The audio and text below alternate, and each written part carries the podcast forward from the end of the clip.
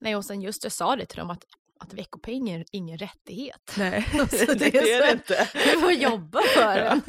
Även om det är liksom rätt. enkla grejer. Så, Ja, nej, men jag ser att det är min, eh, filosofi. Ja. ja, Mm. få in pengartänket. Ja, men fint. Ja.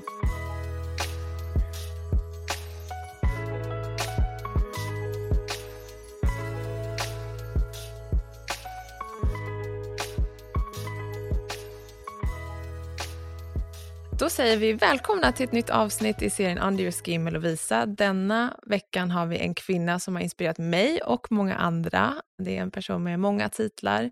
Bloggare, serieentreprenör, mamma, författare och ja, det känns som att listan kan göra väldigt lång och jag har säkert glömt någonting. Men välkommen Isabella Löwengrip. Tack så mycket. Hur mår du? Ja, men det är bra. Ja. Det är bra. Det är eh, fullt upp. Eh, Jag och barnen och Paul åker till eh, Japan under höstlovet. Wow. Och eh, så firar jag och Paul våra födelsedagar i helgen. Jag fyller den 21 oktober, han den 22 oktober. Nej men gud, vad roligt. Så vi ska ha en stor eh, 70-talsfest med våra kompisar. Nej, vad kul. Så det, det är liksom att man ska maxa jobb in och planera roliga en saker. fest. Ja, jag Ja, exakt. fattar det. Tar lite tid. Ja, mysigt. My, alltså så här, både och att fylla år så nära varandra. Alltså mysigt för att man kan fira tillsammans men också kan jag tänka mig att så här, det blir sjukt intensivt. Ja, och sen ska man äta två tårtor på rad på morgonen och så har man Mm. rester från den andra, är det värt att Sant, köpa den sant. nya? Ja. Kanske bara köra en joint-tårta. Liksom. exakt. Ja, så roligt. Ja, men gud, och kul med Japan. Ja, det ska bli kul. Ja, ja, du, Framförallt att se deras eh, skönhetsvård. Ja. Ja, ja, man har alltid varit fokuserad på just mycket med K-beauty. Mm. Men Japan har också sjukt mycket olika varumärken och de är kända för sina hårspan som man kan eh, gå in Ja, på. det är så sant. Så verkligen stimulera hårtillväxt. Och, eh, ja, men det är så. Jag vet faktiskt att det är ett som öppnar här nu i Stockholm snart. Är det ett sant? hårspa, ja, eller ett headspa. Ja. Nej, vad roligt. Ja, jättekul. Ja. kul. Jag vet faktiskt inte så jättemycket om japansk hud och alltså hårvård om jag ska vara ärlig. Men spännande. Ja, verkligen. Får jag lite research? Mm. Berätta. Det känns ju som att det inte är många som inte vet vem du är. Du blev ju på något sätt liksom Blondinbella med hela svenska folket när influencer-tiden liksom verkligen hade sin begynnelse. Hur gammal var du egentligen när, när det, allt det där drog igång? Alltså jag var jätteung. Mm. Jag var ju bara 14 Ah. och jag fyller 33 nu. Så det är ju liksom väldigt, väldigt många år som man har ja, men, nu, ja, men varit aktiv, varit offentlig, liksom drivit bolag sedan 16 års ålder. Mm. Och sen så kom ju liksom barnen när jag var 23 och 24 och giftermål och skilsmässa. och jag, jag, jag har startat 11 bolag Det är helt enormt. Eh, och jag är inte klar. Så, att, så det har varit ett, ett långt men kul Ja. liv. Alltså, det är så underbart för när man startar så ung, och det känner jag också till viss del, alltså jag var ju äldre än vad du var, jag, jag var 21-22 när jag startade min första, men, men på något sätt så får man så mycket tid för man vill göra så mycket olika saker och det blir liksom som flera livstider i en. Du har ju hunnit göra enormt mycket. Det är verkligen imponerande. Men vad var det som var drivkraften när du var sådär ung och, och, och vad var det som inspirerade dig till att starta? Men jag, mm, jag tror att det var jag tror att absolut en längtan efter att ekonomiskt kunna stå på egna ben. Mm. Att inte vara beroende av mina föräldrar för att vi hade väldigt så här, trassliga relationer och min pappa var alkoholist på den tiden. Idag är han nykter sedan två år tillbaka. Och det var menar, inte en optimal plats för liksom, att, att växa upp på. Och då blev det just drivkraften i att så här, okej vad kostar en etta i stan? Mm. Alltså. och då, jag kommer ihåg när jag började tänka på det när jag typ var 12, 13 och då Mm. kunde man få en lägenhet i Vasastan för en miljon. Ja. Jag tänkte okej, Ja. bra. Ja. nu är det bara att börja jobba. Målet? Ja. men lite så. Så det var väl en, en drivkraft. Och sen en annan drivkraft var att jag var väldigt eh, mobbad i skolan. Mm. Och då kom ju också det här klassiska att jag ska visa dem. Mm. Mm. De ska få se mig på Ja. eh, media och jag ska visa hur bra det går. Ja, så 100 procent. en liksom kompott av Ja. sånt som man ville bort från och Ja. som man ville bevisa. Gud, jag känner igen mig så mycket i det. Alltså, jag växte upp i Jönköping som också var så här, jag kände mig aldrig riktigt hemma. Alltså, det var också någon, det som födde min drivkraft var också någon sorts här, Mm. längtan därifrån. Vilket också, det kan ju verkligen föda en sån enorm, enorm drivkraft. Och sen så, en- sen så för mig i alla fall, jag vet inte hur det har varit för dig, men det blir någon, in till någonting annat när Ja. man sen väl kanske gör de där grejerna. Liksom. Hur, hur har det varit för dig? Om du, vad är din drivkraft idag? Alltså som, som, Nej, men det är som du säger, drivkraften ändras. mm, Dels automatiskt, men om den inte gör det så ska man vara uppmärksam på det. ja, För att att ha en drivkraft i livet som bara handlar om att visa för andra. Mm. Då är det, kan vara till och med för sin egen familj eller för sina vänner. Eller, och att det blir som ett komplex hela tiden, Mm. mindervärdeskomplex. Då måste man vara jätteuppmärksam på det. För ofta i den situationen så gör, leder det till att man, man tar beslut som man egentligen inte vill ta. Mm. Att man väljer en riktning i livet som kanske någon annan tycker skulle varit bra att du valde eller bevisa för någon annan. Så det gäller väldigt snabbt då, som du säger, byta Mm. och så drivkraften idag är väl här, se hur långt man går, så här, Mm. hur mycket kan jag hinna i livet, hur Mm. kan jag inspirera mina barn? Mm. Och det finns liksom ingen, inget tak Nej. så, vad Nej. man kan bygga och göra och sådär. Så, så drivkraften är nog det, att Mm. få, få skapa. Mm. Det blir ju en väldigt frihet med det. Och det på något sätt liksom lägger ju vad ska man säga, bränsle på den där drivkraften. Ja. Verkligen. Och, och också det du säger, att, så här, att, man, att man också får byta drivkraft, alltså det som driver den. Att det, det är också någonting som är väldigt pånyttföljande med det. Och när man förstår det, att det inte behöver vara det som drev en från början, det är också väldigt frihetskänsla. Verkligen. Liksom. Verkligen.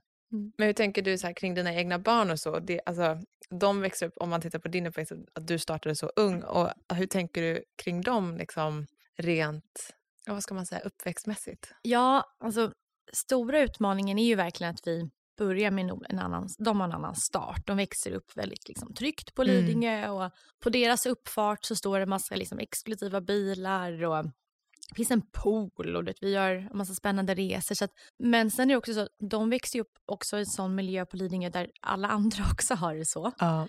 Vilket är jättesvårt. Mm. För min största skräck är att de ska bli liksom bortskämda barn som inte uppskattar saker och ting Mm. och kommer ut i världen och tror att, hela, att alla har det så här. Ja. Och det tror jag är lite komplicerat när man rör sig i de här typen av homogena miljöerna. Så för mig handlar det just nu, för jag kan inte styra över um, deras umgänge. Så då handlar det mer så här, hur kan jag få barnen en förståelse för var pengar kommer ifrån? Ja. Och där kan jag luta mig mot mitt entreprenörskap Mm. och visa på att jag hade ingenting. I de här husen växte jag upp, Mm. så här hade jag när jag var liten. Jag kunde inte gå ut och äta, alltså jag kan räkna gångerna som jag var på restaurang med min mamma när jag var barn. Mm. Alltså inte ens på en hand. Nej. Och, och det är någonting som jag verkligen försöker få barnen att förstå. Mm. Att pengar kommer liksom inte gratis. Och, med, och då gör jag så att de måste prestera för att få sina pengar. Mm. Alltså till och med veckopengen. Ja, men det, det tycker jag är sunt, för det känns också som att eh, man växer upp i en värld idag. Jag har ju en två och ett halvt åring och hon har precis börjat förstå det här konceptet med att köpa någonting. Mm. Ja, men man kan köpa en ny. Och det känns som, det, pengar är också så någonting så svårt idag, för man kan, det är sällan man ser det i typ av sedlar och mynt, utan det, det är bara någonstans på ett kort liksom, och där Mm. finns det. Så det där är också så himla, det är mer abstrakt liksom. Man måste verkligen lära sig från ung ålder och just det här att få ha en egen plånbok, egna pengar och kunna köpa sig någonting när man, man faktiskt har så här förtjänat det. Det är också en sån känsla i det som, som föder någonting annat. Ja, verkligen. Mm. Nej, och sen just jag sa det till dem att, att veckopengen är ingen rättighet. Nej, Så det det är är det så- inte. Du får jobba för den. Även om det är liksom rätt. enkla grejer. Så, Ja, nej, men jag ser att det är min, eh, filosofi. Ja. ja, Mm. få in det pengartänket. Ja, men fint. Ja. Men du har ju precis som jag drivit ett hud och hårvårdsbolag som heter Löwengrip Beauty. Mm. Kan du inte berätta lite om den resan och, och i starten, liksom, hur det var att starta? Vad var det som gjorde att du bestämde dig för att starta och hur var liksom, resan i starten? Ja, nej men intresset kom ju redan från, från tidiga tonåren. Då jag verkligen, verkligen liksom drabbades av akne på Mm. en extrem nivå. Att det var till och med ont att, att ligga på, på kudden för att Oj. huden gjorde så ont. Mm. Och, eh, och det, jag fick liksom ingen hjälp och kunskap kring, mina föräldrar tog inte mig till någon läkare och sådär. Så att jag, jag sprang och köpte så här Clarasil och bara försökte liksom få bort det Ja. med det. Och, eh, och där någonstans när jag blev lite äldre, liksom i 17-18 års ålder, så fanns det väl så här att kan jag skapa en hudvård som typ tar bort det? Ja.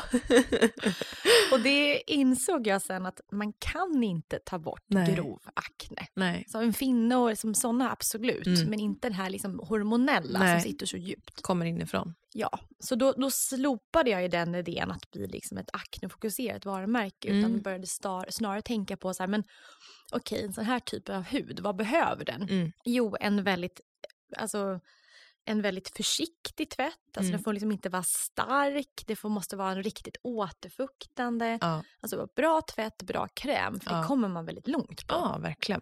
Back to basics. Ja, Mm. så det var det. Precis, och då började jag liksom utforska vad man kan göra för utseende. Men det som verkligen tog fart och en produkt som stod för nästan halva vår omsättning, Mm. det var vår deodorant. Ja, och den är ju fortfarande än idag. Gud, vet du vad? Jag, jag, jag såg på någon YouTube-klipp igår kväll och, då- och då var det någon så in, in i något badrumsskåp och där, där var liksom två sådana. Det, det känns som att den har blivit extremt populär och håller i sig. Liksom. Ja men verkligen. Ja. Och den var just för att jag kommer ihåg när jag var gravid så svettades jag så himla mycket. Ja, då börjar ju svetten lukta lite annorlunda också. Ja. Så, ja, så, och då tog vi fram den och sen har liksom mm, produktserien har liksom bara utvecklats. Mm. Och, och där var ju fokus att göra så här, svenska, väldigt enkla Mm. men effektiva produkter Mm. som kunde platsa på apotekshyllan Mm. just för att vi ville vara så, så skonsamma. Ja, ja, men precis. Och det pratade vi lite om innan vi klev in i, i studion här, men att ni valde ju verkligen att gå liksom retail first. Hur var den processen? För det är, ju, det är ju enormt svårt. Vi har precis lanserat på apoteket och jag vet den processen är ju liksom väldigt eh, lång och eh, liksom ibland smärtsam. Eh, Gud ja. Ja. Och för att 2011, absolut att e-handel som fanns, Mm. självklart. Men det var inte lika ett självklart val för ett varumärke och direkt fokusera på e-handel. Utan det var direkt så här, vilka butiker ska vi Mm. finnas i? Och, och i och med att vi verkligen ville profilera oss som det här liksom, apoteksmärket så var det de kunderna vi fick jobba på först. Mm. Och eh, ni nämnde Apoteket AB, för oss tog det tre år att komma in där. Oj!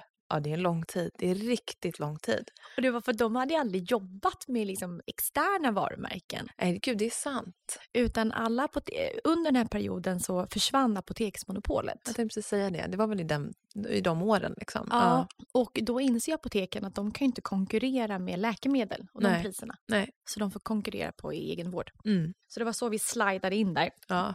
Men, men just, men det vi märkte då, för alla andra märken som startar idag, oavsett egentligen vad man än säljer, så är det Mm. ju liksom 90% e-handel. Mm. Och sen så får det fysiska få vara mer så marknadsföring, kom Ja. och testa och klämma och känna. Mm. Och, och det, var, det är väl det som säger man, vi gjorde fel Ja. i slutet. Att vi skulle verkligen bromsat de sista åren och förstått, förstått att vi måste minska på de här antal liksom, dörrarna som vi finns i Ja. eh, och fokusera på e-handeln. Mm. Men det är också jättesvårt då att svänga om och det kan man också bara se på stora varumärken som H&M till exempel. Ja. Som var så extremt, och fortfarande, stora med butiker runt Ja. om i världen, dyra hyreskontrakt. Mm. Men man kom efter i att bygga en bra e-handel. Ja, verkligen. Och det är där någonstans tror jag, när man startar företag idag, och man, man också vi har sett liksom senaste, ja men i alla fall fem åren, att så här, bolag kan växa riktigt snabbt. Och man äger också kunden på ett annat sätt när man har sin egna e-handel. Eller, och, och självklart egna butiker också, men det som är så tacksam med e-handel är ju just datan och allt man kan, liksom, hur man kan ta hand om kunden faktiskt på ändå ett annat sätt när man också har dem inne i sin sfär. Liksom. Verkligen, och bygga Ja. varumärke Mm. enklare också. Lyckades ni någon gång liksom ställa om och, och växa e-handeln? Såg ni den, liksom, blev den trenden positiv eller hur, hur var den processen? Ja, nej men vi valde tyvärr inte att fokusera på det utan vi valde att växa med våra återförsäljare som till exempel Mm. Apotea, Mm. Lyko, Mm. så Bangerhead. Mm. Och bara titta på Lyko till exempel, de har ju blivit enormt stora. Enormt. Men på vår tid Ja.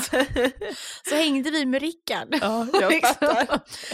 och, och, sen så, och då hängde vi med på deras liksom, tillväxt. Ja. Så att bolaget ökar ju såklart. Vi kom upp i 100 miljoner omsättning. Men vi ägde, precis som du sa, inte kunden själv. Nej. Så hade jag fort, jag sålde av 2020, så hade vi fortsatt så hade ju hela målet varit att bara svänga om till e-handel. Ja. Utan att på något sätt tappa de andra kunderna Nej, också. Det där är svårt. Det är riktigt svårt. Och det är också, också när man finns på andra, vi har ju varit väldigt så här, känsliga med det, att när man finns på andra e-handel som Lyko och Apotea, det är, ju- man tävlar emot sig själv då till slut med allt det här SEO, det är ju bara en egen värld liksom, och paid ads, men, men man tävlar ju verkligen mot sig själv då, vilket gör det också ett dilemma. Liksom. Jättesvårt. Så. Men det är väl min lärdom. Mm. Att, och sen en annan lärdom med Löwengrip att jag var så mån om att jag skulle bygga det, eller vi skulle bygga det krona för krona. Mm. Alltså att inte vilja ta in kapital. Mm, jag förstår. Och det var för att jag hade en sån lång vision att jag skulle driva det till ett nytt så här, Estée och sen Ja. skulle min dotter ta över det eller Mm. min son ta över det. Och, och det också, det var som en stolthet i det Mm. och växa så snabbt vi har råd med. Men hade jag gjort om idag så hade jag tagit in riskkapital mycket tidigare. Mm. Och jag hade till och med, kanske till och med satsat på att komma ut på liksom, att göra en börsnotering av Ja. bolaget. Okej, intressant. Så, men man lär sig otroligt Ja. mycket. Ja, man lär sig extremt mycket. Hur många anställda var ni när ni var som mest? Liksom? 30 kanske? 30? Ja, 35. det är många. Mm. Det är väldigt många. Vad var den största utmaningen med just det? Så här, organisation tänker jag på, bygga. Det, för, för det, vi är någonstans i det stadiet nu och, och det är ju så enormt viktigt när man ändå är en liten organisation och har rätt människor. Det gör ju Mm. hela grejen. Så fort man får in någon som inte känns, liksom, ja, men, där det blir en negativ spiral, Mm. då spiller det ju över på allt. Liksom. verkligen. Mm. Men någon form av ledarskap som jag jobbade mycket kring var att se till att alla anställdas mål gick i linje med bolagets mål. Mm. För att de väldigt få anställda tycker det är speciellt spännande att bara år ska vi omsätta 60 miljoner. Mhm. Det är så här, ah, kul, applådera, vi firar. Ja. Men de känner inte den känslan, ett hurra inombords som Nej. vi ägare gör. Nej. Såklart. Såklart, för det är ju inget... Nej, så då får man ju under liksom våra samtal med varje år, då och då fick vi hela tiden fråga sig, men vad vill du uppnå? Vilka Mm. tjänster vill du ha? Vill Mm. du, det kan till och med vara så att de drömmer om att ha bättre, mer tid med sin familj Mm. och ändå kunna kombinera det med att göra bra ifrån sig på ett jobbet. Ja. Eller få möjlighet att läsa en, en utbildning samtidigt som Mm. den, inom det yrket man jobbar med och sådär. Ja. Så att hela tiden se till att så här, vad har en anställda för mål och sen se till att hur kan vi som bolag hjälpa den anställda med det. Ja. För då blir motivationen i företaget en helt annan. Mm, verkligen. Kunde det någon gång bli problem? Alltså så här, Ja. att man motiverade någon så pass mycket att de typ så här, det gick iväg och startade sig. Alltså, du vet. Nej, Ja. fattar. Nej, men problemet blev att vi blev för snälla Ja, och att vissa alltså, kanske utnyttjade det lite grann. ja, förstår. Mm. För syftet egentligen med det var att mitt mål var att få så här, årets napp. Mm. Alltså det är ett, ett pris som man kan få om man är ett familjevänligt bolag. Okej, okej. Jag, jag hade ingen aning om det. Så det var egentligen det. Så då började jag tänka så här, okay, hur kan vi hjälpa alla familjer att, att Mm. få ihop familjelivet? Mm. Eh, för det ser man också ett resultat av att då presterar man faktiskt bättre på arbetet. Ja. Eh, men sen spillde det över i allt möjligt som blev andra mål. Och Någon skulle vara jätteduktig med sin PT och så, Ja. men det är bra. Ja, Men, men en annan är väldigt spännande med det som en Löwengrip, det var också när vi tar oss internationellt. Mm. Det ja. var också, då fick man liksom nypa sig i, i armen när man kommer in i en stor så här, köpcenter i, i Sydney. Och Ja. sen så är det liksom en stor hylla. Det är ju med- bara overkligt. Det, är nästan, det går ju nästan inte att ta in. Liksom, Nej, den var väldigt mig. svår. Ja, ja. Men vi pratade lite om det här med, med familj och på tal om det här priset. Så jag förstår det, under den här tiden då när du drev Löwengrip, för då, du fick barn ungefär i den vevan. Mm, precis. Ehm, mi, ja, Mitt mitten i. i allt. Mitt i allt. Ja. Men hur, hur var det? Jag tänker på så här, när man är en entreprenör så är ju, det, alltså så här, jag tycker alltid att det blir lite så här balans mellan jobb och familj, för att man lever ju jobbet. Och det, är ju, det, är ju, det är ju bara så man lever. Men hur Mm. var den upplevelsen för dig att få barn samtidigt? För det är ju ändå en liksom, stor grej. Ja, det är, så, det är så lätt att sitta så här, tio år senare och bara, jag skulle gjort så här, varför gjorde att man blir väldigt hård mot sig själv.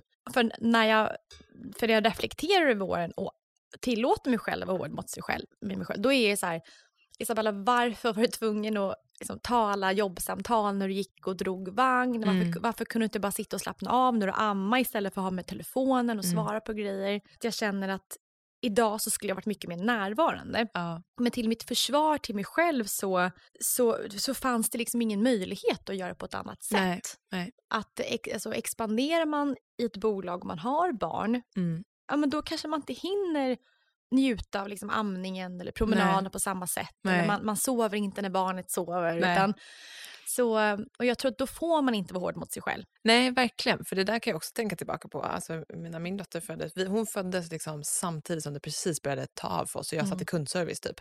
Eh, för att någon var, liksom, det, allt bara gick så fort. Och jag känner igen mig i det också. Men man får inte, precis som du säger, vara för hård mot Nej. sig själv. Och, och jag tänker också att någonstans att så här, alla kämpar ju med det där. Oavsett vilket jobb man är ner på. Att, att, så här, att vara närvarande. Man kan vara det på så många olika sätt. Och också Ja. när, när barnen blir större och så där också. Ja.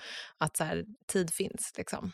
Verkligen. Är det någon som är yngre som skulle liksom fråga mig om råd kring att balansera de här två så skulle jag absolut säga alltså kör, kör. Mm. Inte sitta och vänta med att liksom, byta Nej. jobb eller starta någonting för att barnen ska bli äldre. Nej. Däremot så tycker jag att man ska vara lite, ja, men lite tuffare kanske mot andra och säga så här, tyvärr jag kan inte ta mötet nu Ja. för jag sitter mitt i det här. Ja, Och folk, jag tror också idag så har folk en annan förståelse för det. Det tycker jag också. Och också att man faktiskt får prioritera. Att Mm. det är så här, vissa, alltså, vissa saker som inte ger en energi. Och med det tycker jag att så här, när man får barn kan man också, man får också en sån enorm drivkraft med det. Och så mycket saker händer för att du måste prioritera bort det som inte är viktigt. Människor som inte ger dig energi och, och saker som inte liksom, tjänar dig längre bara är på olika sätt. Man måste skala av det och det är också väldigt nyttigt. Verkligen. Ja, så det, det, det känns som en, eh, en, ändå en bra process liksom, när man är i bolagsresan. Liksom.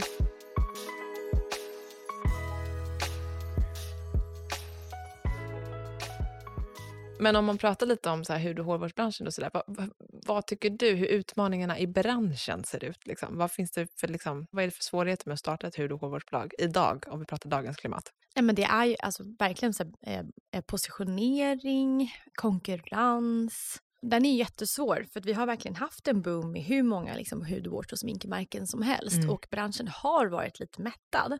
Och i den här svåra tiden som man ändå går in i rent ekonomiskt för liksom både bolag men också liksom privata plånboken så kommer också många varumärken att läggas ner. Ja. Man kommer inte vilja fortsätta att investera i bolag. Det finns liksom ett, ett varumärke som säljer rakhyvlar på prenumerationstjänst Mm. som är liksom värderade till 2 miljarder. ja, jag vet. Och, eh, och man har backat så här, 70 miljoner de sista åren och någon gång tror jag att de här investerarna kommer säga så här, nej men vi kanske bara ska strunta i det här. ja. Och, så jag tror att kan man som skönhetsmärke, sminkmärke, hålla ut Mm. Och bygga en långsiktig strategi och att man till och med kanske kan sakta ner fast man inte vill det. Mm. Bara för att få liksom pengarna att räcka under lång sikt, Ja. att det blir liksom en längre runway. Så tror jag absolut att man har verkligen stor förmåga att verkligen bli ännu större. Ja. Man får ja, men, hålla ut och hitta sin positionering, hitta någonting självklart som är unikt i Mm. kommunikationen. Mm. Så att allting går. Ja, verkligen. Och också tänka det, för det finns bolag som, precis som du säger, de går liksom back med 70 miljoner och man bara pushar i mer och mer pengar och det går otroligt fort.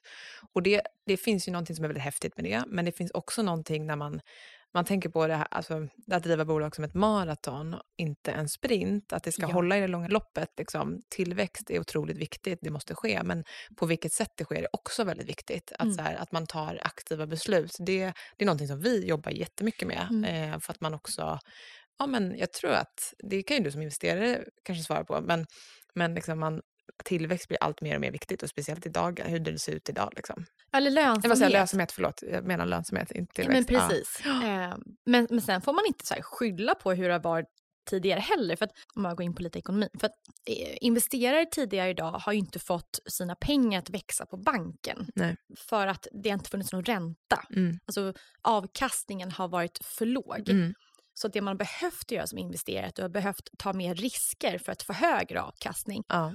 Så då har man siktat på de bolag som växer snabbast. Mm. För där finns det en möjlighet att sälja av till någon annan som vill ta över den här. Exakt. Någon som ska driva ännu snabbare. Ja. Och idag när det inte går på samma sätt får man ju då försöka trygga sitt kapital Mm. genom att gå in mer i det bolag som är mer lönsamma. Ja, ja. Är lönsamhet ett krav för dig när du går in i bolag idag? Eh, Alltså det behöver inte vara lönsamt här och nu. Nej, Men det måste ju finnas liksom inom en en, två års Ja, eh, plan. en plan absolut. för lönsamhet. Ja. Liksom. Ja, mm. Nej, men det, det, det är också någonting, ja, men dels med dagens bara situation hur det ser ut, klimat, men det är också någonting med att så här, hur man driver ett företag, att man, man ska vilja driva lönsamhet. Liksom. Det tycker Ja. jag är väldigt viktigt. Vi, går, vi är inte lönsamma än, men det finns en väldigt tydlig plan för att nå dit. Ja liksom. men Och exakt, och, det, är det, finns- man vill, det är det man vill se. Mm, mm. Ja, men exakt. Ja, spännande. Men för att gå tillbaka lite till Löwengrip Beauty då, och resan. Då. Du sålde ju 2020 Mm. och det var ju i samband med att ni skulle in i USA som det blev liksom lite skakigt och sådär. Och då valde ni att sälja det. Hur, hur var det att liksom ta det beslutet? Kändes det självklart då? Eh, Nej. Nej. Jag vill inte sälja. Nej. Hade jag kunnat gjort om det så hade jag inte sålt. Nej. Och, men ibland som liksom företagare så har man inte något val. Alltså saker och ting går inte alltid som man har tänkt sig. 100 procent. Så där var det ju snarare att när andra bolag liksom min lilla koncern gick så dåligt så gick ju min privata ekonomi så dåligt också. Mm. För i till exempel Löwengrip Invest då, som jag jobbade operativt inom så var vi verkligen tillväxtbolag. Så vi drog in en massa pengar varje månad och vi kostade en massa pengar Ja. månad. Så i slutändan var det noll kronor kvar. Och då när hela bolaget backar och behöver liksom stoppa in två miljoner i månaden för att inte Mm. gå i konkurs så sinar ju privata plånboken väldigt snabbt. Jätte. Så när jag hade sålt av mitt hem typ Mm. alla smycken, Ja. alltså allt, allt, allt, Ja. så hade jag valet mellan att gå i personlig konkurs Mm. eller sälja Löwengrip. Åh herregud. Så då, Inte en lätt situation. nej, Nej, eh, verkligen inte. Men, men valet blev ju enkelt. Ja, verkligen. Men, och då, då fanns det några köpare då som var intresserade. Och hur var den processen? Var, var det, liksom, hur kändes det att bara gå igenom det? För det är något så speciellt. Vi har också sålt Under Your Skin, ändå majoriteten av Under Your Skin, och, och är väldigt nöjda med det. Men det, hela den processen är ju väldigt speciell. Ja men verkligen. Man hamnar i en jättemärklig maktbalans också för att man vill på något sätt ändå hålla lite fasaden uppe. För att inte de ska, för, så att de ändå förstår att de kan inte komma och ge vilket skambud som helst. Nej. Samtidigt så är jag beroende av att Ja. de ska köpa. Ja. Jag behöver verkligen Ja. det. Det är någonstans det, det liksom, när man köper upp företaget, så här, det är någonstans det man lever på. Att så här, de där säljarna har redan fått in de där pengarna i sitt huvud och det kan man rida på. Liksom. Ja, Mm, mm. Så att, nej, men det, var, det var en lite jobbig process. Så. Men Mm. jag är väldigt nöjd med de som köpte Löwengrip. Ja. Och det är ett norskt stort eh, distributionsbolag. Mm, eh, som har en enorm kunskap kring just dels att distribuera skönhetsprodukter. Så att det kändes eh, ja, men, som en väldigt bra köpare. Mm. Ja, men kul. Och hade du kunnat tänka dig att starta ett till i, eh, bolag idag om du hade, hade du kunnat göra om resan? Ja, alltså, ja, hade kunnat, absolut. Men Ja. inte, här och nu så hade jag inte startat ett eget skönhetsmärke. Men Nej. däremot så hade jag gärna investerat i andra skönhetsmärken. Mm. Men hade jag startat någonting själv, som jag liksom verkligen, då hade jag siktat på någonting som inom så parfym. Alltså det, Ah, spännande. det har varit jätteroligt, om jag då bara ska titta på skönhetssegmentet. Just dofter är jag, har jag en extremt stor passion för. Och det var också en av de roligaste bitarna i Löwengrip, att få komponera liksom, hur allting skulle dofta. Ja. Men jag tror inte det är någonting jag kommer göra liksom, nästa vecka. Nej, jag fattar. Eh, Det får och- växa fram. ja, i så och då, fall. Ja, och då skulle det snarare bli på hobbynivå. För ja. just nu som med investera-hatten så tycker jag det är roligare. För jag Mm. får ju komma in i så mycket olika bolag. Mm. Det är jättespännande kan jag tänka mig. Vad, hur ser din liksom, portfölj ut? Idag så är den väldigt liten. Mm. Så jag har ett bolag som jag investerar som heter Natural Cycles. Som är ett digitalt preventivmedel. Mm. Jag tror vi är världens största idag. Ja, glad användare här. Ja, Mm. eh, jag med. Ja. men det är ju så, det är så extremt häftigt, också om man har Aura Ring. Ja, Eh, ja, men exakt, jag har det Mm. också när jag sover. Mm. Och hur det bara kopplar, du behöver inte göra någonting. Nej. Och du har, får inga biverkningar, ingenting. Alltså det är det bästa Mm. någonsin som har uppfunnits. Så det, är det är är, jätte, jag tror att ja. vi har åtta miljoner användare Ja, idag. wow. Om i världen. Så det, är- nej, men det har varit jätteroligt och jag var in som nummer tre. Så jag har verkligen varit med på liksom en lång så resa. häftigt. Eh, så dels det, men sen så Flattered, Ja. eh, skomärket som jag också var med och startade. Mm. Så de är kvar.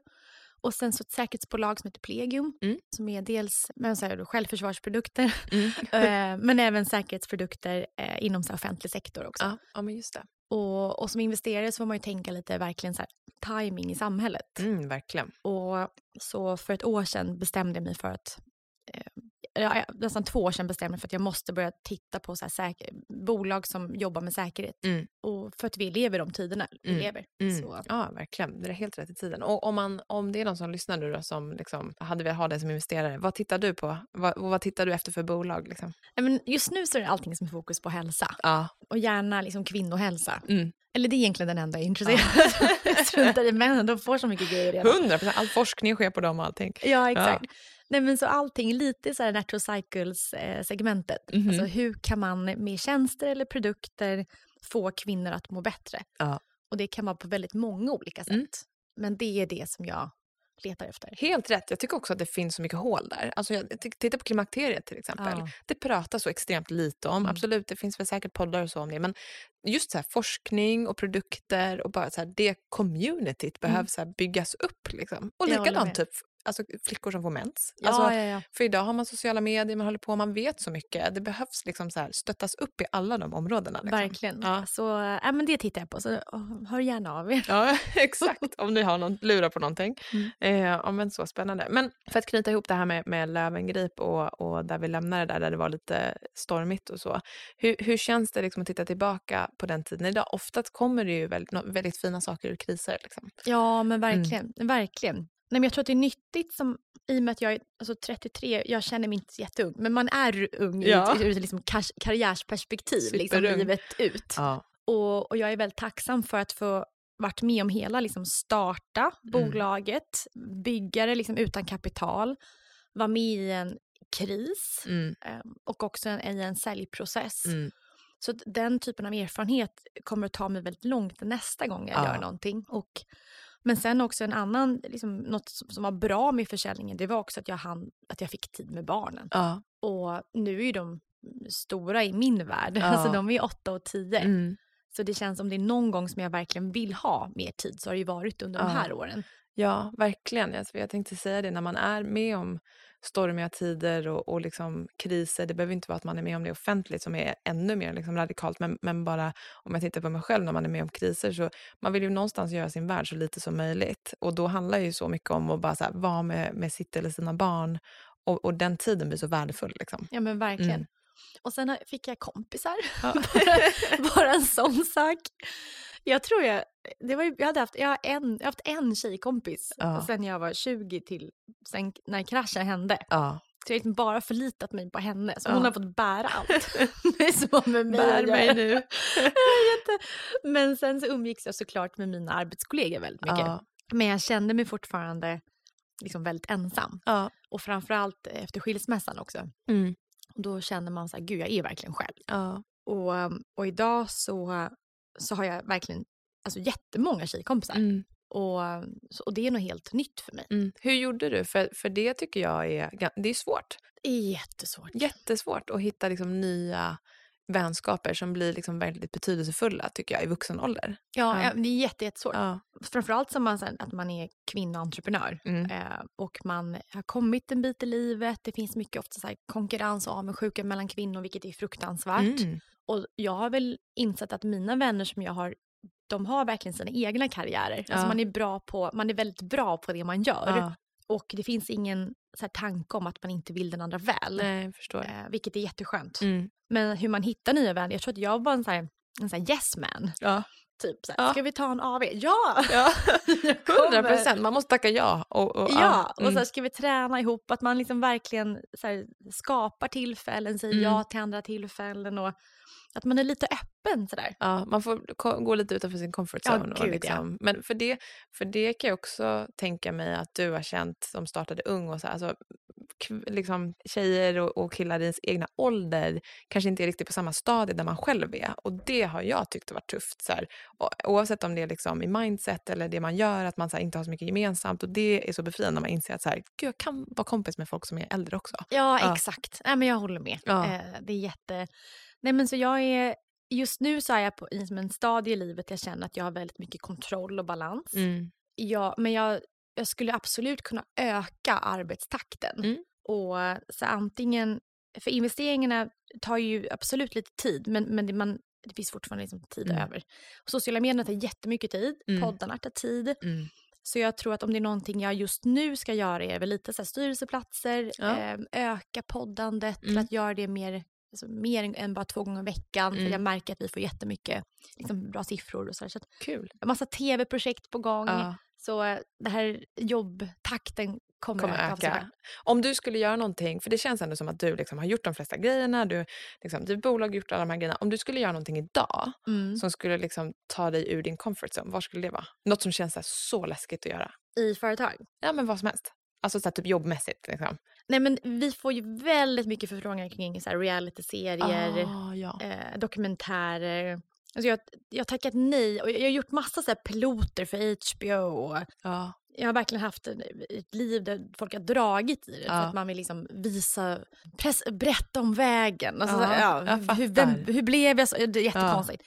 Men, och då har jag till slut så har jag alltid tackat nej Mm. efter jag har sett piloterna. Mm. För att jag tycker att jag inte... Jag har ingen kontroll när det är någon annan som klipper Nej. och styr och filmar. Så läskigt. Uh, alltså jag vågar inte Nej, riktigt. det förstår jag. Det, kän, det, känns väldigt läskigt bara man Ja. tänker på det. Men nu är vi i nya sådana dialoger igen. Kommer snart. Ja men verkligen. Så att det, ja, vi får se. Gud vad spännande. Ja, jag hade kollat. Ja. Ja.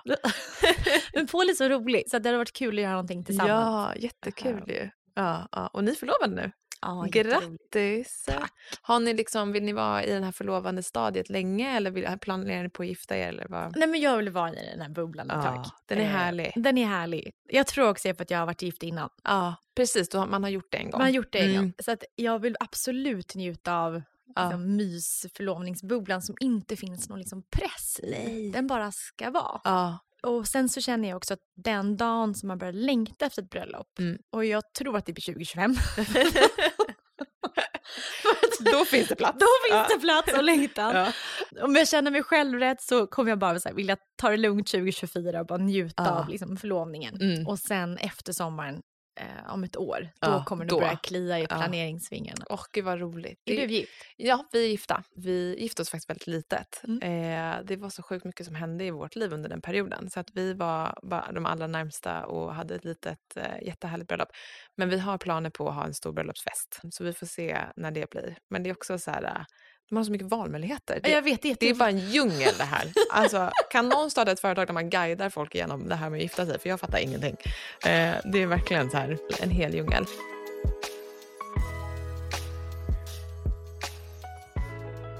Om vi ska ge något tips och råd, då, om man befinner sig i en, en tid av kris som ändå ledde oss in på det här, då, vad, vad vill du ge för råd till den människan? Mm, nej, men det finns massa råd, men jag tror att alla pratar alltid om så här, ja, men det handlar om inställning. Mm. Och, och jag tror att det är lite fel, för att man behöver få, få, få vara i en sorg. Mm. Alltså man behöver få vara i en väldigt jobbig, mörk, deppig tid. Mhm. Och det är liksom inget farligt med att vara i den tiden. Nej. Så jag tycker att man ska tillåta sig själv tänka så här, om man nu känner så. Att så här, nej, det gick inte som jag hade tänkt mig. Mm. Livet blev här och nu inte så. Jag sörjer för att det här tog slut. Eller Mm. Att det blev ett nederlag kanske om man inser det så. Och bara så här, nu är jag ledsen, det får vara så. Mm. För då tror jag också att det är lättare att ta avstamp från det sen. Ja. Och börja tänka att men vänta här, det kanske finns någonting som gör mig g- glad ändå. Det finns liksom någonting som jag ett annat mål som jag vill ta mig. Ja. Så jag tror man, att man bara får på något sätt så zooma ut i helikopterperspektiv och tänka så här. Allas liv Mm. krisar. Alltså Mhm. alla människor har utmaningar ibland. Och, och att försöka liksom vara lite stor och tänka så. ja, absolut. Men sen tror jag också att man ska verkligen ta hjälp. Ja, För det tror jag vi är Viktigt. duktiga, eller dåliga på. ja. Och det kan alltid från massa småbarn att man verkligen ringer den här kompisen så bara kan du dra vagnen en timme för jag behöver få Ja. massage eller sova. Mm. Och det roliga, jag kommer ihåg just när man var små barn att man hade alltid vänner som sa det här. Bara, jag Mhm. hjälper till, jag kommer med matlåda. Och jag bara nej nu, så jag ringde ju aldrig dem. Nej, liksom, inte en samma. enda gång. Samma, exakt så. Vilket är konstigt för nu när jag är vän till människor som, kompisar som har fått barn. Ja. Jag skulle aldrig tycka att det är jobbigt Nej. att komma och hjälpa Man till. bara tyckt det var mysigt. Ja, Så, så det tycker jag är att om man verkligen tar hjälp, alltså människor, vänner och allting, till och med grannar och bekanta. Alltså vi vill hjälpa till. Ja, verkligen. Att man så här, ja, sitt community runt omkring sig. Ja. Att så här, förstå att det kanske är starkare än vad man tror. Verkligen. Ja, när man är där. verkligen. Acceptera. Ja, men fint. Det tycker jag är väldigt fint. Att man får, att man måste tillåta sig själv att också sörja och, och ta tid. Jag tänkte att vi ska prata lite mer om just hud och hårvård och sådär. Vi har ju många som är intresserade av det som lyssnar såklart. Hur, hur ser din rutin ut? Vad, vad använder du för produkter och vad är dina heroes? Framförallt vill jag veta när det kommer till hårvård då, förutom On Your Skin. Nej, men, och det är så roligt för att jag så det är verkligen Your Skin som är mina favoriter. Och nu så tror man att det är köpt här för att jag, jag, hade, jag, jag vet att jag får säga andra var, var, varumärken nu också. Ja, det får du. Eh, och det vet jag om, men jag vill ändå trycka på att det är verkligen det bästa schampot och balsam jag har testat. Men wow. Alltså verkligen. Mm. Det är verkligen... Jag kommer, I början när jag skulle använda schampo tänkte jag gud vad håret blev liksom Ja, torrt i början. Ja, strävt. Ja, Liksom. strävt, Mm. exakt.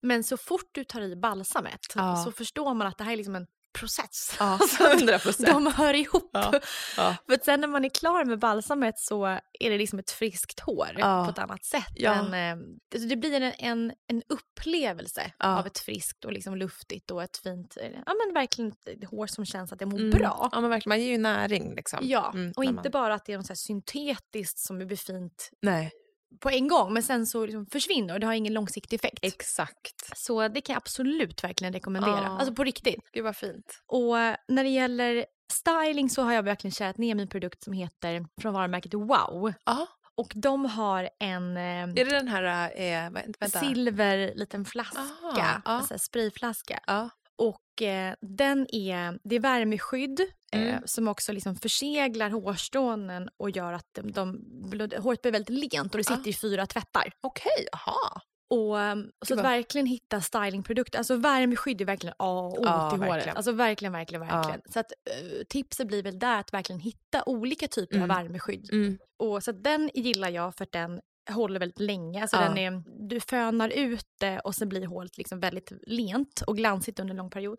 Men också värmeskydd som är alltså vanlig enkel sprayform Mm. men också vär, alltså torrt värmeskydd vilket man också glömmer att det existerar. Ja, verkligen. Ehm. vad, vad har du för tips? Ja, och där Björk har en jättebra Ah, och okej. eh, Osis har en jättebra. Mm, mm, mm. Just för att ibland så står man där med torrt hår Mm. och, Och vill göra, göra lockar eller rurr. Alltså det händer ju ganska ofta. 100 procent. Och, och då kan det bli ganska jobbigt att ha ett blött värmeskydd för Ja. då, då låter det så här, som att håret Ja. brinner upp. Otäckt. ja men det blir så obehagligt. Så jag rekommenderar verkligen Ja. eh, värmeskydd. Så Ja. verkligen fokus på att skydda håret. Ja, det är 100 procent. Annars får det ingen effekt om man använder sig av bra hårprodukter. Det är så sant. Man måste skydda håret. Och det är någonting som jag tycker att här, den naturliga industrin kan bli så mycket bättre på. Just styling för håret. För det, där tycker Finns jag det ingenting. det finns typ ingenting. Nej. Snart kommer Snart någonting. kommer eh, snart kommer, kommer vi ut med någonting. Men, men där tycker jag, och det är svårt. Jag förstår varför det inte finns så mycket naturligt inom det. För att det är väldigt svårt att få till någonting som är bra. Håret Mm. på det sättet är, eh, ja men det är svårt att få till olja, natur, alltså helt, helt naturlig. Nu har vi en som är jättebra men den, var, den tog liksom år att- att göra. Mm, bara för att det, det. det blir väldigt fett annars liksom, Mm. om man bara har typ en olja i. Liksom. Men sen tycker jag ett annat grej, att man är så himla noga med att smörja in ansiktet när man ska Ja. gå och lägga sig. Eh, och kroppen och sådär. Men man glömmer att återfukta håret innan man ska Ja. gå och lägga sig. Sant. Så, och ni har ju en jättebra hårolja nu som jag har Mm. testat ett tag. Så att alltid bara så här, ta pytte, pytte lite och Mm. bara dra i längderna innan man går och lägger Mm, sig. Verkligen, det vinner man Mm. på i längden. Mm. Men när vi pratar om så här naturlig och versus syntetisk eh, just hudvård då, så, vad, vad, vad tycker du, vad har din upplevelse varit från det? För att man är så himla olika. Jag är väldigt känslig hy, men jag reagerar på syntetiskt och du har haft en aknebenägen hud och då kan jag tänka mig att så här, ekologiska oljor för dig, i alla fall i, i, i det förflutna, har varit svårt. Liksom. Ja men verkligen. Ja. Men så. Nej, men och sen tror jag också att den ekologiska naturliga hudvården har ju också förändrats väldigt mycket de senaste åren. Väldigt mycket. För att när vi började, när vi skulle välja vilket spår Löwengrip skulle ta, Mm. så blev det då ett självklart val att gå mot det mer syntetiska. Ja. Alltså vi hade till exempel så Derma, nej, förlåt, eh, Dermalogica som en så här Just det. förebildsmärke. Mm. Just för på den tiden så var det ju alla naturliga skönhetsprodukter innehöll bara så citronsyra som Ah. konserveringsmedel. Inget bra. Och, och där om man har känslig hud, alltså Mm. citronsyra är ju superstarkt Mm. i ansiktet. Mm. Eh, Så att det gäller verkligen, men nu när jag har testat med produkter som är naturliga, som är mycket mer alltså försiktiga och snälla, då funkar det hur bra som Ja, helst. det, fin- det, det utvecklas verkligen inom naturlig eh, hud och hårvård. Där, där, och det har behövts tror jag för att fler ska använda det. Och jag tror också en liksom, anledning, det här har jag pratat om i ett annat avsnitt också, men det är att också råvarupriserna har varit så enormt höga på det som har varit Mm. riktigt bra. Mm. Men ju fler bolag det är som börjar använda det, desto liksom, lägre blir priserna och desto fler börjar an- Det är liksom en god spiral som är på väg Mm. att hända och det är så himla, det är så himla bra. Ja. Det, sen, men det var så intressant för jag skulle testa er eh, body scrub ja. och då var jag jättenervös för jag kommer ihåg, jag hade ett traumatiskt minne för typ tio år sedan när jag testade eh, Maria Åkerberg. Ja, ja, ja. Inget ont om hennes produkter Nej. men man, alla passar liksom inte för allt. Nej. Och då använde jag hennes kroppsskrubb och jag fick alltså, så allergichock Åh, att det blev så här nej. röda, Ja. alltså att jag svullnade upp röda Oj. fläckar på liksom huden. Mm. Jätteobehagligt. Och så tänkte jag okej, där kommer en ny Mm. naturlig kroppsskrubb. Hjälp. och den var helt fantastisk. Åh, gud vad glad jag alltså blir. inte en enda, liksom, Skråma. Nej, Nej. utan bara också en, åt, alltså en hud som var återfuktad väldigt länge efteråt Ja. också. Den är väldigt återfuktande. Den är Mm. oljebaserad, vilket gör att den ändå blir ganska mild, även fast den är ganska rivig. Liksom. Ja, oj, perfekt Ja. kombination. Ja. Så det är jag också jätteimponerad av er, att ni har lyckats med den naturliga skön, skönhetsvården, men att man, alltså man tål den verkligen. Den känns liksom väldigt... ja, men snäll och fortfarande ger resultat. För det kan jag tänka mig, alltså, när du startade där då 2011, att så här, ekologisk hudvård var inte heller någonting som gav resultat. Det bara Nej, var. man Liksom. inte blandade hemma i köket kändes Ja, det men typ lite oljor. Och sen var det också så här, den tiden när det var så här, bara i hälsokosten tråkgrejer. Liksom. Så att det, det har verkligen utvecklats och, och mer utveckling kommer det bli. Så det är superkul. Gud vad spännande. Ja, jätteroligt verkligen. Okej, okay, men nu börjar tiden närma sig mot sitt slut. Så vi, jag har alltid satt tre sista frågor som jag brukar fråga. Och du kommer inte heller undan. Så att, eh, och den första är då, om du fick välja en rutin, det kan vara, och det har vi faktiskt inte pratat om så mycket, tiden har runnit iväg oss, men, men om du fick välja liksom en rutin som alla människor på hela jorden skulle följa och göra varje dag. Det kan vara meditera, det kan vara träna, spa, gå på headspa, you name it. Eh, vad hade du valt för någonting? Alltså jag har världens tråkigaste svar. Men det är verkligen bra. Det är verkligen att gå en liten promenad varje dag. Du, jag, jag skriver på på den. Alltså verkligen, och helst på morgonen. Ja, eh, det är, alltså, jag, för, jag förhör att det är trist, men, men det finns, dels finns det så mycket hälsofördelar med mm. det. Men framförallt psykiskt. Mm. Bara att komma ut och få lite dagsljus hela tiden. Och framförallt när det blev mörkt i Sverige. Ja. Så att rekommendation, och det gjorde vi faktiskt så med alla anställda, att alla skulle ut och gå på ja. Ut och marschera. Ja, ja, men en kvart, gå runt kvarteren några gånger. Liksom. Nej, men 100 procent. Så, så det är verkligen, gå ut och gå. Men man rebootar hela systemet. Man får, ja. ja det, jag är helt med dig. Det behöver inte vara så länge. Nej, man får perspektiv när man tar promenader. Jag är med mm. dig. Okej, nästa fråga då. Vad tror du att dagens generation behöver ge till nästkommande generationer för att få dem att så bra som möjligt? Alltså, hur ska vi, vad ska vi ge till våra barn? Liksom? Eh, och det finns det himla mycket. Mm. Absolut, man kan prata om miljö och hållbarhet och allting. Men, men jag skulle snarare säga det här att man är ännu mer men alltså man är mer så tolerant mot andra. Mm. Eh, att man försöker förstå alltså förståelse för folk som inte tycker likadant mm. som en själv. Jag skulle snarare säga att idag så går dagens samhälle att det är ännu mer polariserat. Mm. Att ibland, jag har till och med vänner i, i min bekantskapskrets som inte kan sitta vid samma bord för att man har så mycket politiska åsikter som Oj. skiljer sig från varandra. Ja. Och, och, och, det är så märkligt att vi går mot ett samhälle, så vi går tillbaka till ett sånt samhälle. Ja. Så jag skulle snarare säga så här, pränta in i era barn att man behöver inte tycka likadant hela ja. tiden. 100 Alltså livet blir mycket mer berikat när man får lära ja. sig saker från andra, när man får utmana sina argument från andra mm. och att man inte behöver gå i clinch utan man kan sitta där, ja du tycker så, men jag tycker så. Bra, ja. ska vi prata om något annat? Ja, verkligen. Uh. Man, får, man får en större världsbild när man tar in fler perspektiv. Verkligen. Ja. Så det, och det försöker jag ge mina barn genom att resa, se hur andra lever, mm. få förståelse för det och få förståelse för andra kulturer. Så fortsätt med öppenheten. Framför allt i den här världen som håller på att bli mer och mer stängd. Ja, tyvärr. Alltså det händer så mycket grejer nu så att man blir illamående nästan. Ja, men fint. Jättefint. Och sista frågan då. Vem hade du velat se som gäst i podden? Men åh, vad spännande. Det finns ju hur många som helst. Mm. Men jag, jag såg, jag var inne på Amanda Schulmans Instagram häromdagen. Ja. Då, jag kan ingenting om All I, All I am. All I am. Nej. Men jag såg i, eh, i hennes badrum liksom hur, hur snyggt allting ah. var med hennes. Det var verkligen det här åt andra det här superlyxiga ja, med det här guld och allting. Men jag har inte hört alls deras så, ambitioner med, med varumärket. Sant. Så här, vad vill de? Ja. Eh, har de gjort det som ett litet hobbyprojekt mm. som har gått väldigt bra? Eller finns det liksom några större ambitioner? Eh, för jag tror att de har en bra grund att bygga på, framförallt när det gäller makeupen. Verkligen. Eh, de har jätte, jättebra kajalpennor och ja. liksom så. Så att, eh, vad händer? Ja, verkligen. det, det, det hade varit jätteintressant. Ja, får rycka henne så jag må vara med. Ja, mm. Jätteroligt. Tack så jättemycket Isabella för att du kom och ville vara med. Det här var så mysigt. Det var jättetrevligt. Ja, jättekul. Tack så hemskt mycket. Tack.